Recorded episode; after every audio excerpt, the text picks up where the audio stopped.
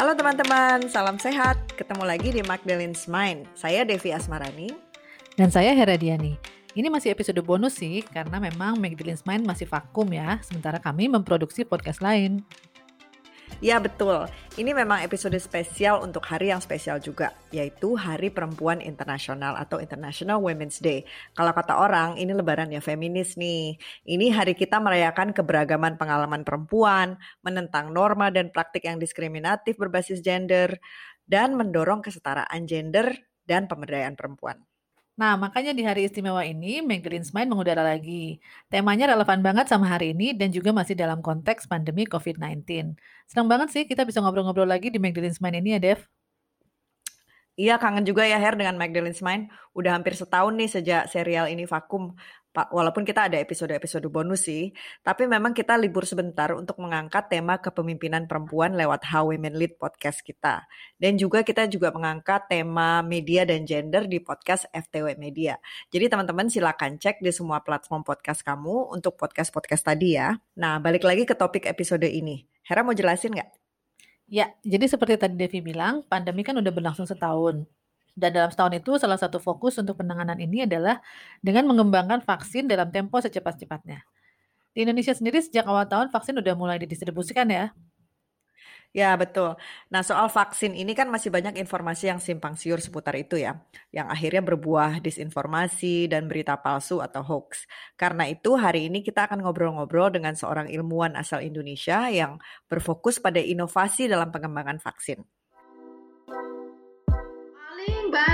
banter abis divaksinasi ya agak-agak agak-agak nggak enak itu normal kalau saya lebih khawatir kalau misalnya orang bilang abis divaksin rasanya biasa aja nggak ada apa-apa wah ini ini patut dicurigai terjadi respon imun apa enggak Ya, di episode ini kita mengundang Dr. Ines Atmo Soekarto.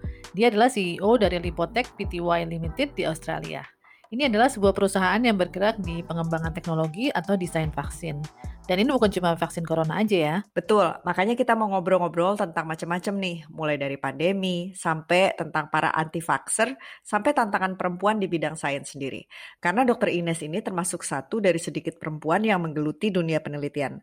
Menurut riset UNESCO tahun 2015, di seluruh dunia, perempuan yang berkarir sebagai peneliti itu cuma 28 persen.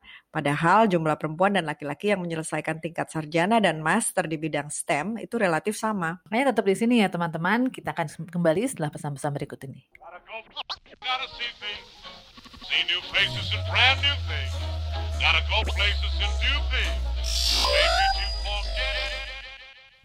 Ketika gue lihat, lihat visualnya sih sebenarnya agak agak annoying sih melihatnya karena kayak kenapa uh, perempuan harus dipotret seperti itu.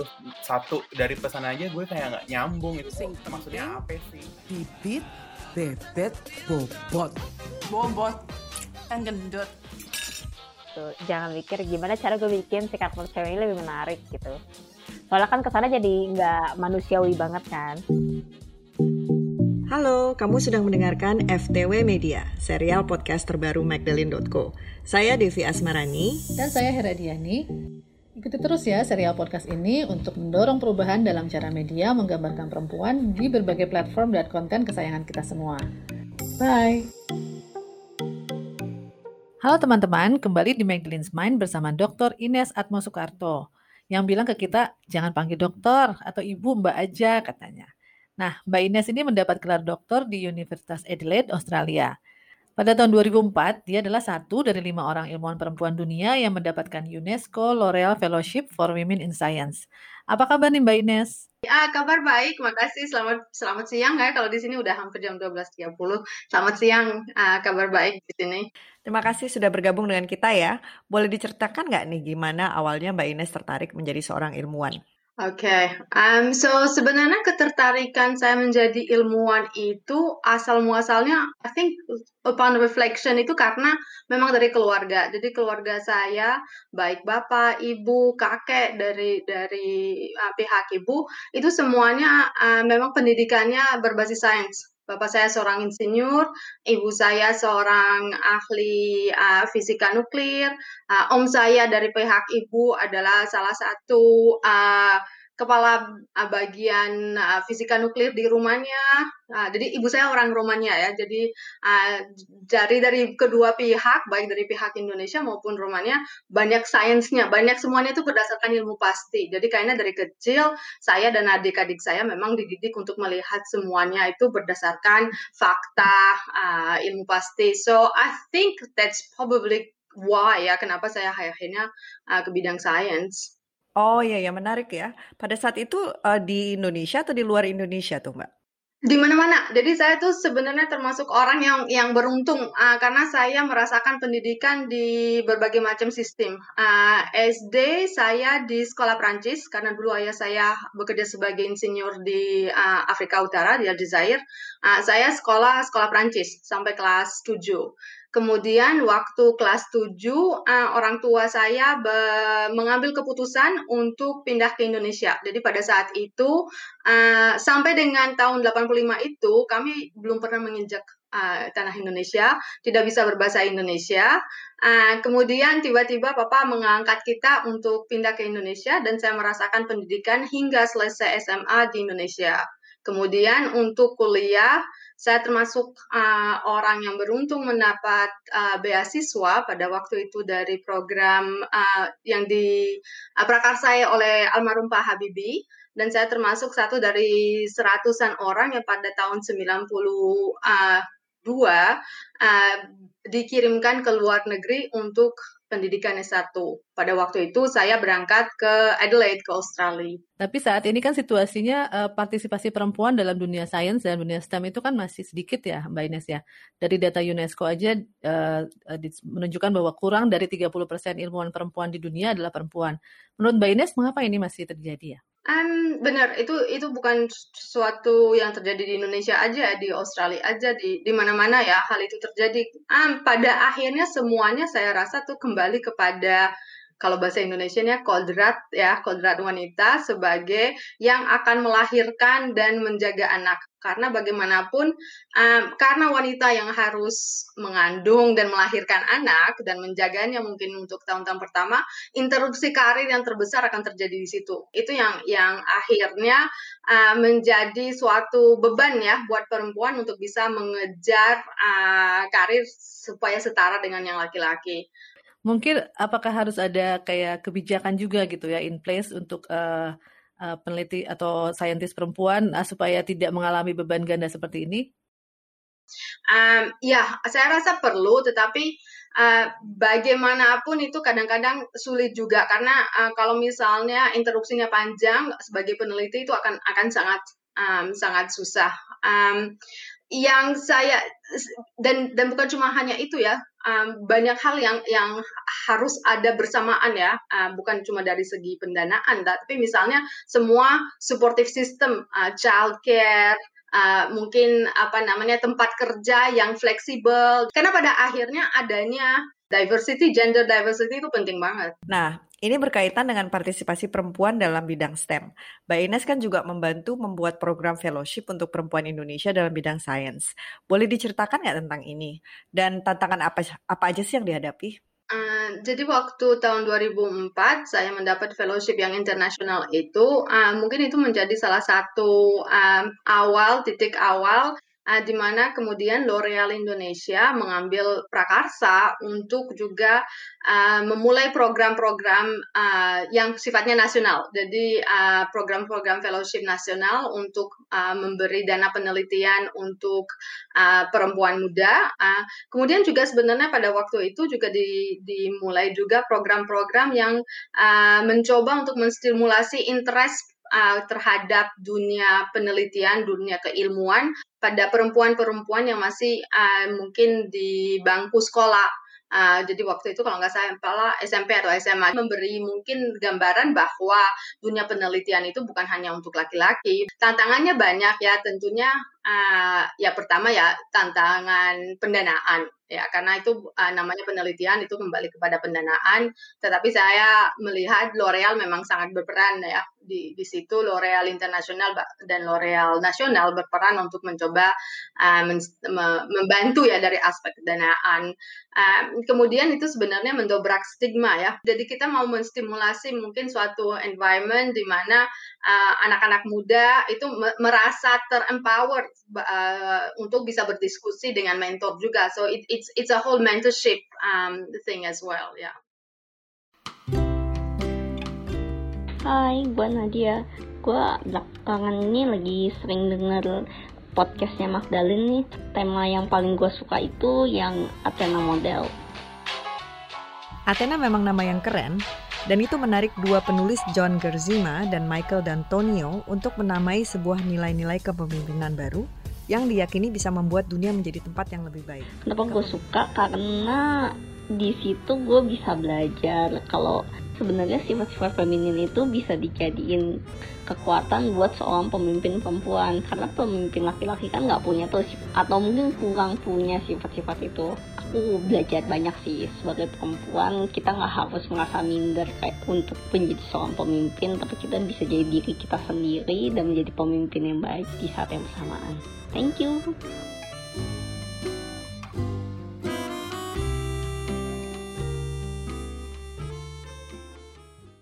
Uh, berikutnya nih kita mau mulai ngomongin soal vaksin nih uh, Mbak Ines. Di situasi pandemi ini kan kata vaksin dan imunologi imunologi jadi keywords gitu, jadi bahan perbincangan dalam masyarakat.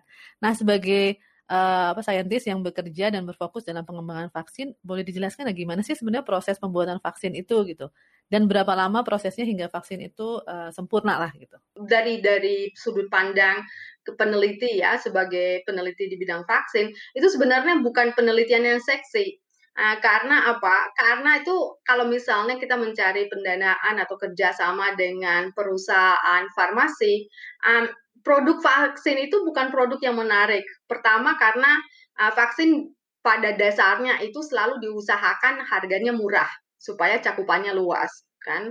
Kemudian vaksin itu adalah produk yang sifatnya mencegah, right? So sekali pakai nanti diharapkan orangnya akan sembuh. So kalau dari sudut pandang bisnis model, it's actually not a very good product ya untuk perusahaan. Karena itu, itu salah satu tantangan saya yang terbesar eh, itu adalah uh, untuk meyakinkan karena saya kerjanya di startup ya, uh, di startup biotech, meyakinkan investor bahwa investasi di bidang vaksin itu penting. So the pandemic is helping karena uh, dari situ terlihat bahwa pro, uh, produk vaksin uh, adalah mungkin jalan keluar ya salah satu jalan keluar dari pandemi ini. Proses pengembangan itu sebenarnya lama. Kalau secara tradisional mengembangkan vaksin itu membutuhkan 10 sampai 15 tahun. Nah, yang terjadi di, di, di saat pandemi itu ternyata vaksin itu bisa dikembangkan dalam waktu 12 bulan. Dan ini kenapa itu terjadi? Ada dua hal. Pertama, investasi yang luar biasa dari berbagai pihak ditambah ada kerjasama yang erat antara industri, peneliti di di, di uh, universitas dan otoritas. Otoritas seperti FDA, EMA, Bapak dan POM. Mereka itu mau mengevaluasi walaupun misalnya baru interim result di pertengahan fase 2 mereka sudah mau mengevaluasi untuk memberi izin mulai fase 3 padahal fase 2-nya belum selesai jadi ini semuanya itu artinya itu udah bukan sequential tapi paralel. Banyak yang yang terjadi in paralel. Mungkin bisa nggak Mbak Ines menjelaskan tentang bagaimana vaksin ini bekerja di dalam tubuh kita? Jadi vaksin itu sebenarnya itu adalah cara untuk mengajari tubuh kita untuk mengenali suatu virus, suatu bibit penyakit ya, bisa virus, bisa bakteri. Yang gampangnya itu ada tiga komponen yang paling penting. Itu yang pertama sel dendritik. Nah, sel dendritik itu sifatnya kayak patroli di dalam body kita, di dalam tubuh kita dia berpatroli. Terus nanti dia ngeliat, eh ada benda asing nggak? Nah, kalau misalnya dia dapat ada benda asingnya, itu benda asing itu kemudian ya secara kasarnya itu dia makan lah. Dia makan, dia proses, kemudian dia tunjukin di permukaannya. Jadi ibaratnya gitu sesudah dia di, di, dimakan sama selnya, terus kemudian itu terpapar di, di luar di luar sel dendritik itu bagian-bagian dari virusnya. Nah, itu caranya dia untuk nanti mengajari sel yang lain. Nah, sel yang lainnya itu apa? Yang pertama itu namanya sel B, gitu kan. Nanti kalau yang keduanya namanya sel T. Nah, sel B ini yang membuat antibodi. Nah, jadi dengan bantuan itu nanti sel B-nya itu akan mulai membuat antibodi yang spesifik terhadap bagian dari virusnya itu, gitu kan? Nah, misalnya antibodinya nggak pas karena itu kan eh, namanya tubuh kita itu kan dia nggak sempurna ya kadang-kadang mungkin antibodi yang dibikin nggak pas itu sebenarnya ada lagi nih backupnya namanya sel T nah sel T ini dia tugasnya apa? Tugasnya untuk keliling-keliling juga melihat ada sel terinfeksi nggak? Itu tuh kayak ngasih penanda oh ini ini ini udah ini ini apa intruder harus dieliminasi gitu lah. Uh, gunanya antibody gitu kan. Gunanya vaksin itu adalah apa? Untuk mengenali semua ini tanpa harus kena penyakit. That's the beauty of the vaccine. Itu sistem imun kita teredukasi tanpa harus ada gejala-gejala penyakit apa pun gitu. Paling banter abis divaksinasi ya agak-agak agak-agak nggak enak. Itu normal gitu ya. Kalau misalnya orang bilang aduh abis vaksin gue kok rasanya uh, panas kok misalnya rasanya pegel gitu. That's okay. Itu namanya sistem kekebalan tubuh kita lagi kerja gitu. Kalau saya lebih khawatir kalau misalnya orang bilang abis divaksin rasanya biasa aja nggak ada apa-apa. Wah ini ini patut dicurigai terjadi respon imun apa enggak gitu kan? so hmm, karena it, vaksin itu it's supposed to to stimulate dia harus menstimulasi sistem imun. Uh, so that's how the vaccine works ya. Itu dia benar-benar itu adalah the master educator sebenarnya master educator sehingga nanti kalau misalnya kita terpapar virus dia cepat banget bisa memproduksi antibody. Karena kalau enggak produksi antibody itu butuh mingguan eh, ya butuh beberapa dua minggu kira-kira baru puncak.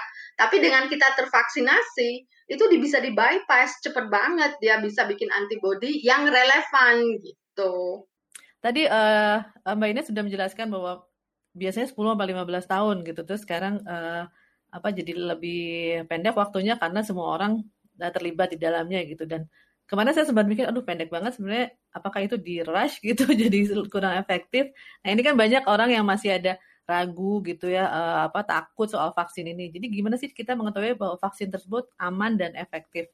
Sebenarnya kalau saya bilang ya memang cepat ya memang mungkin itu aneh ya kok bisa cepet banget gitu ya um, cuma jangan lupa ini terjadi dengan kecepatan yang luar biasa tapi juga dengan transparasi yang luar biasa juga jadi semua apa namanya informasi itu banyak banyak sekali informasi tentang apa yang terjadi.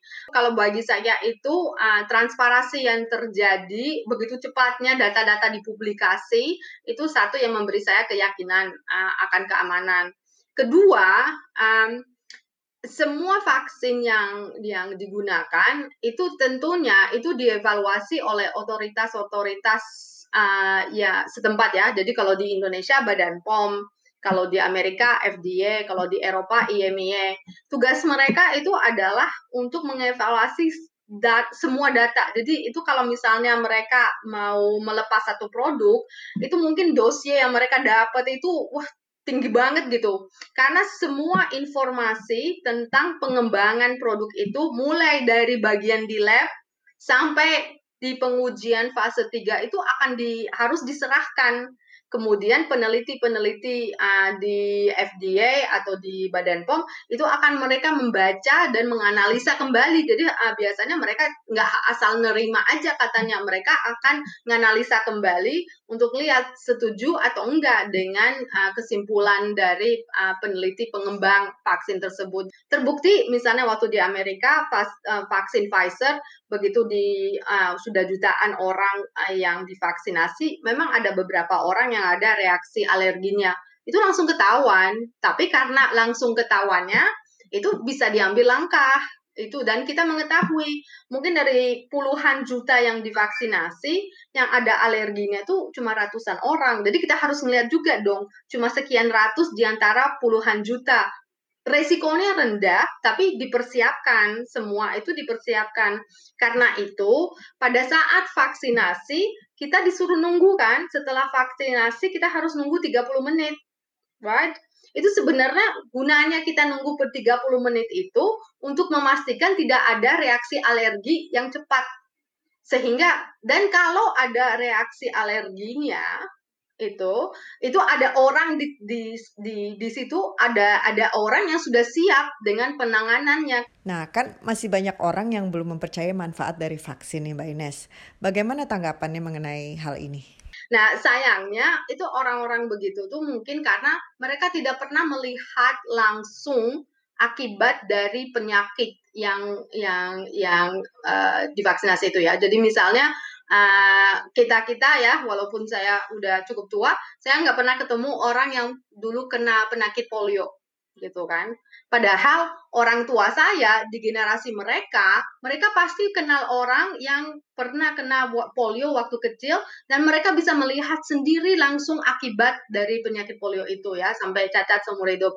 So in some ways karena vaksin itu begitu efisien dalam mencegah penyakit, maka it's actually it's worst enemy karena akhirnya karena nggak ada penyakit itu orang-orang bilang ya nggak apa-apa lah biar aja kena gitu kan. Padahal mereka tidak tidak mempertimbangkan bahwa uh, kalau anaknya kena penyakit, mungkin long term effect dari penyakit itu mereka me tidak mempertimbangkannya. Sama sekarang misalnya di COVID gitu kan. Mungkin ada orang bilang ah COVID aja nggak apa-apa kena gitu kan.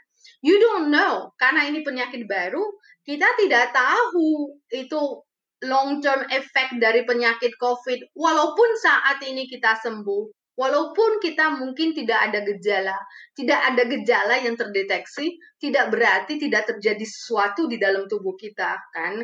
So, vaksin uh, menggunakan vaksin atau vaksinasi itu sebenarnya itu adalah me menurunkan semua risiko itu karena yang di, dijadikan bahan di dalam vaksin itu tidak mungkin menyebabkan penyakit kan. Jadi kita mengenali mengenali bibit penyakitnya tanpa harus kena gejala-gejala penyakitnya gitu kan. Tetapi ya susah kalau misalnya menghadapi orang-orang yang berpikiran itu uh, kalau misalnya di Australia misalnya uh, sebagian besar itu sebenarnya ada tinggalnya itu di daerah-daerah mewah, di daerah-daerah kaya, di daerah-daerah kaya karena uh, mereka hidup di dalam segala kenyamanannya, mereka hidup di dalam semua keamanannya kan. Mereka tidak pernah melihat itu apa yang bisa uh, the, apa apa yang bisa disebabkan oleh virus-virus uh, gitu atau penyakit menular itu. Sebenarnya it's it's mereka adalah korban dari dari bubble mereka sendiri gitu. Dan banyak yang misalnya kalau anaknya nanti kena baru nanti mereka akan sadar gitu. Uh, menjadi suatu PR bagi kita kita ilmuwan juga bagaimana mengkomunikasikannya Uh, tapi salah satunya mungkin juga saya pikir itu harus kembali kepada uh, pendidikan dasar juga di sekolah. Mungkin uh, hal ini harus disisipkan ya, karena kita tahu bahwa sebenarnya mengajari anak-anak itu jauh lebih gampang dari ngajarin orang tua ya. Jadi kan tadi udah apa uh, Mbak Ines bilang bahwa ini uh, tidak ada yang bisa sembunyikan di uh, era sekarang ini kan ada media sosial gitu. Terus Dr. Ines juga aktif mengedukasi netizen soal uh, vaksin, imunologi, terus peneliti-peneliti lain juga sebetulnya begitu Uh, nah, bagaimana sih seharusnya ilmuwan ini melawan hoax dan mitos yang beredar? Gitu. Saya udah banyak banget gitu. If only I knew.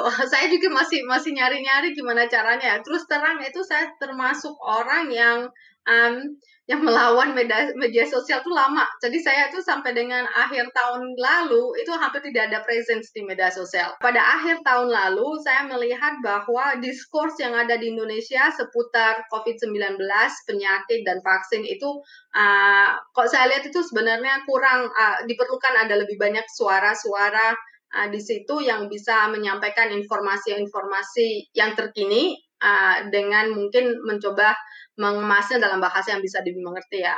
Um, gimana melawan hoax tersebut itu saya sebenarnya saya, saya sendiri juga masih belajar. Jadi saya sampai baca-baca buku gimana itu science communication yang baik itu bagaimana karena yang pasti uh, dari dari konsensus yang saya baca uh, kalau kita coba cuma mencoba melawan dengan fakta dengan data itu nggak mempan nggak mempan karena mereka akan mereka sudah dibekali dengan fakta-fakta lain yang sudah mereka percayai. Jadi susah sekali kita untuk uh, mengubah uh, hal tersebut.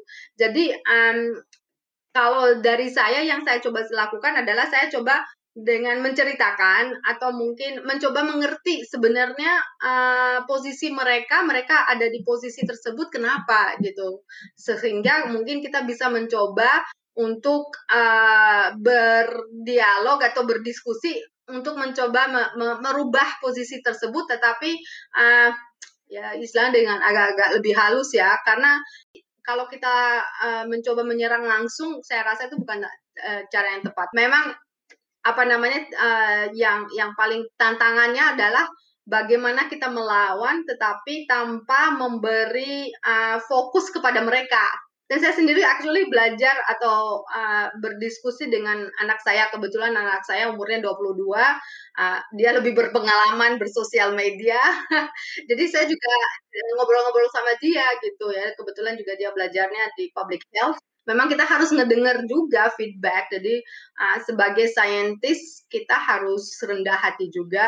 Uh, kita nggak tahu semuanya, kita mungkin salah, uh, dan mungkin uh, cara cara kita itu mungkin bukan yang terbaik. Jadi kita harus belajar dan mungkin belajarnya harus dari social scientist. Jadi uh, peneliti ilmu pasti itu sebenarnya harus berdialog sama antropolog, sama social scientist untuk sebenarnya bisa mencari uh, jalannya.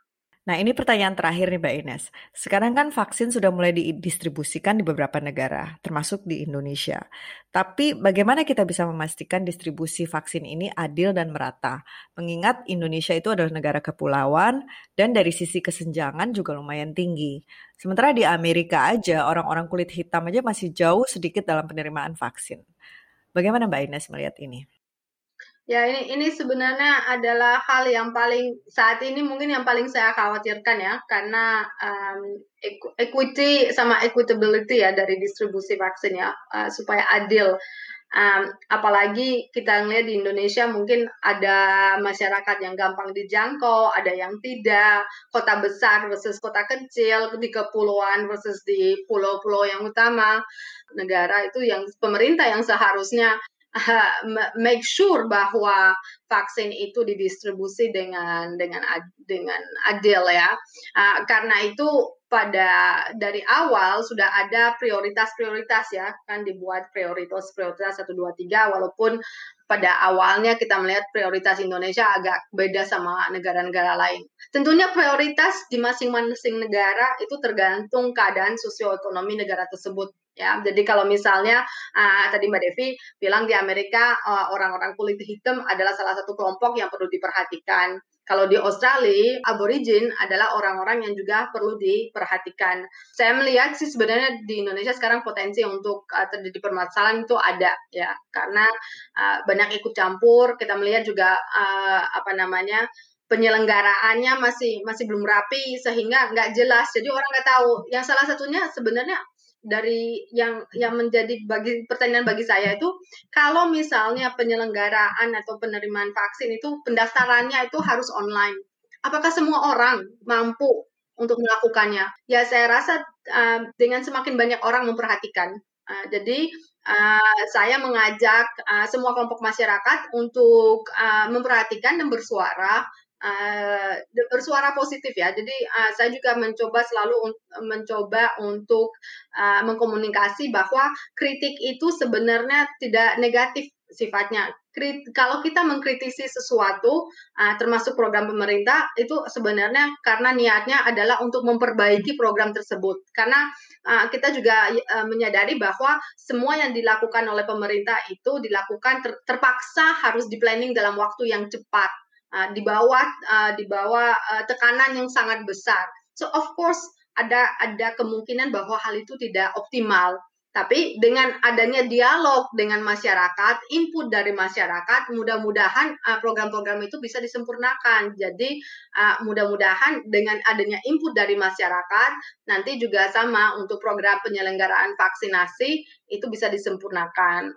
di pihak hal lain, saya juga mengajak uh, ya semua orang untuk uh, peduli dengan lingkungannya. Jadi kalau misalnya kita menyadari di dalam lingkungan kita mungkin ada orang yang seharusnya sudah waktunya mereka divaksinasi, tetapi mereka belum mungkin karena ya masalah teknologi atau apa, mungkin kita bisa juga membantu mereka. Gitu. Kita membawa tetangga kita yang sudah tua ke tempat vaksinasi karena misalnya harus di rumah sakit umum daerah gitu. Mbak Ines, kita banyak banget mendapat insight dari perbincangan ini ya.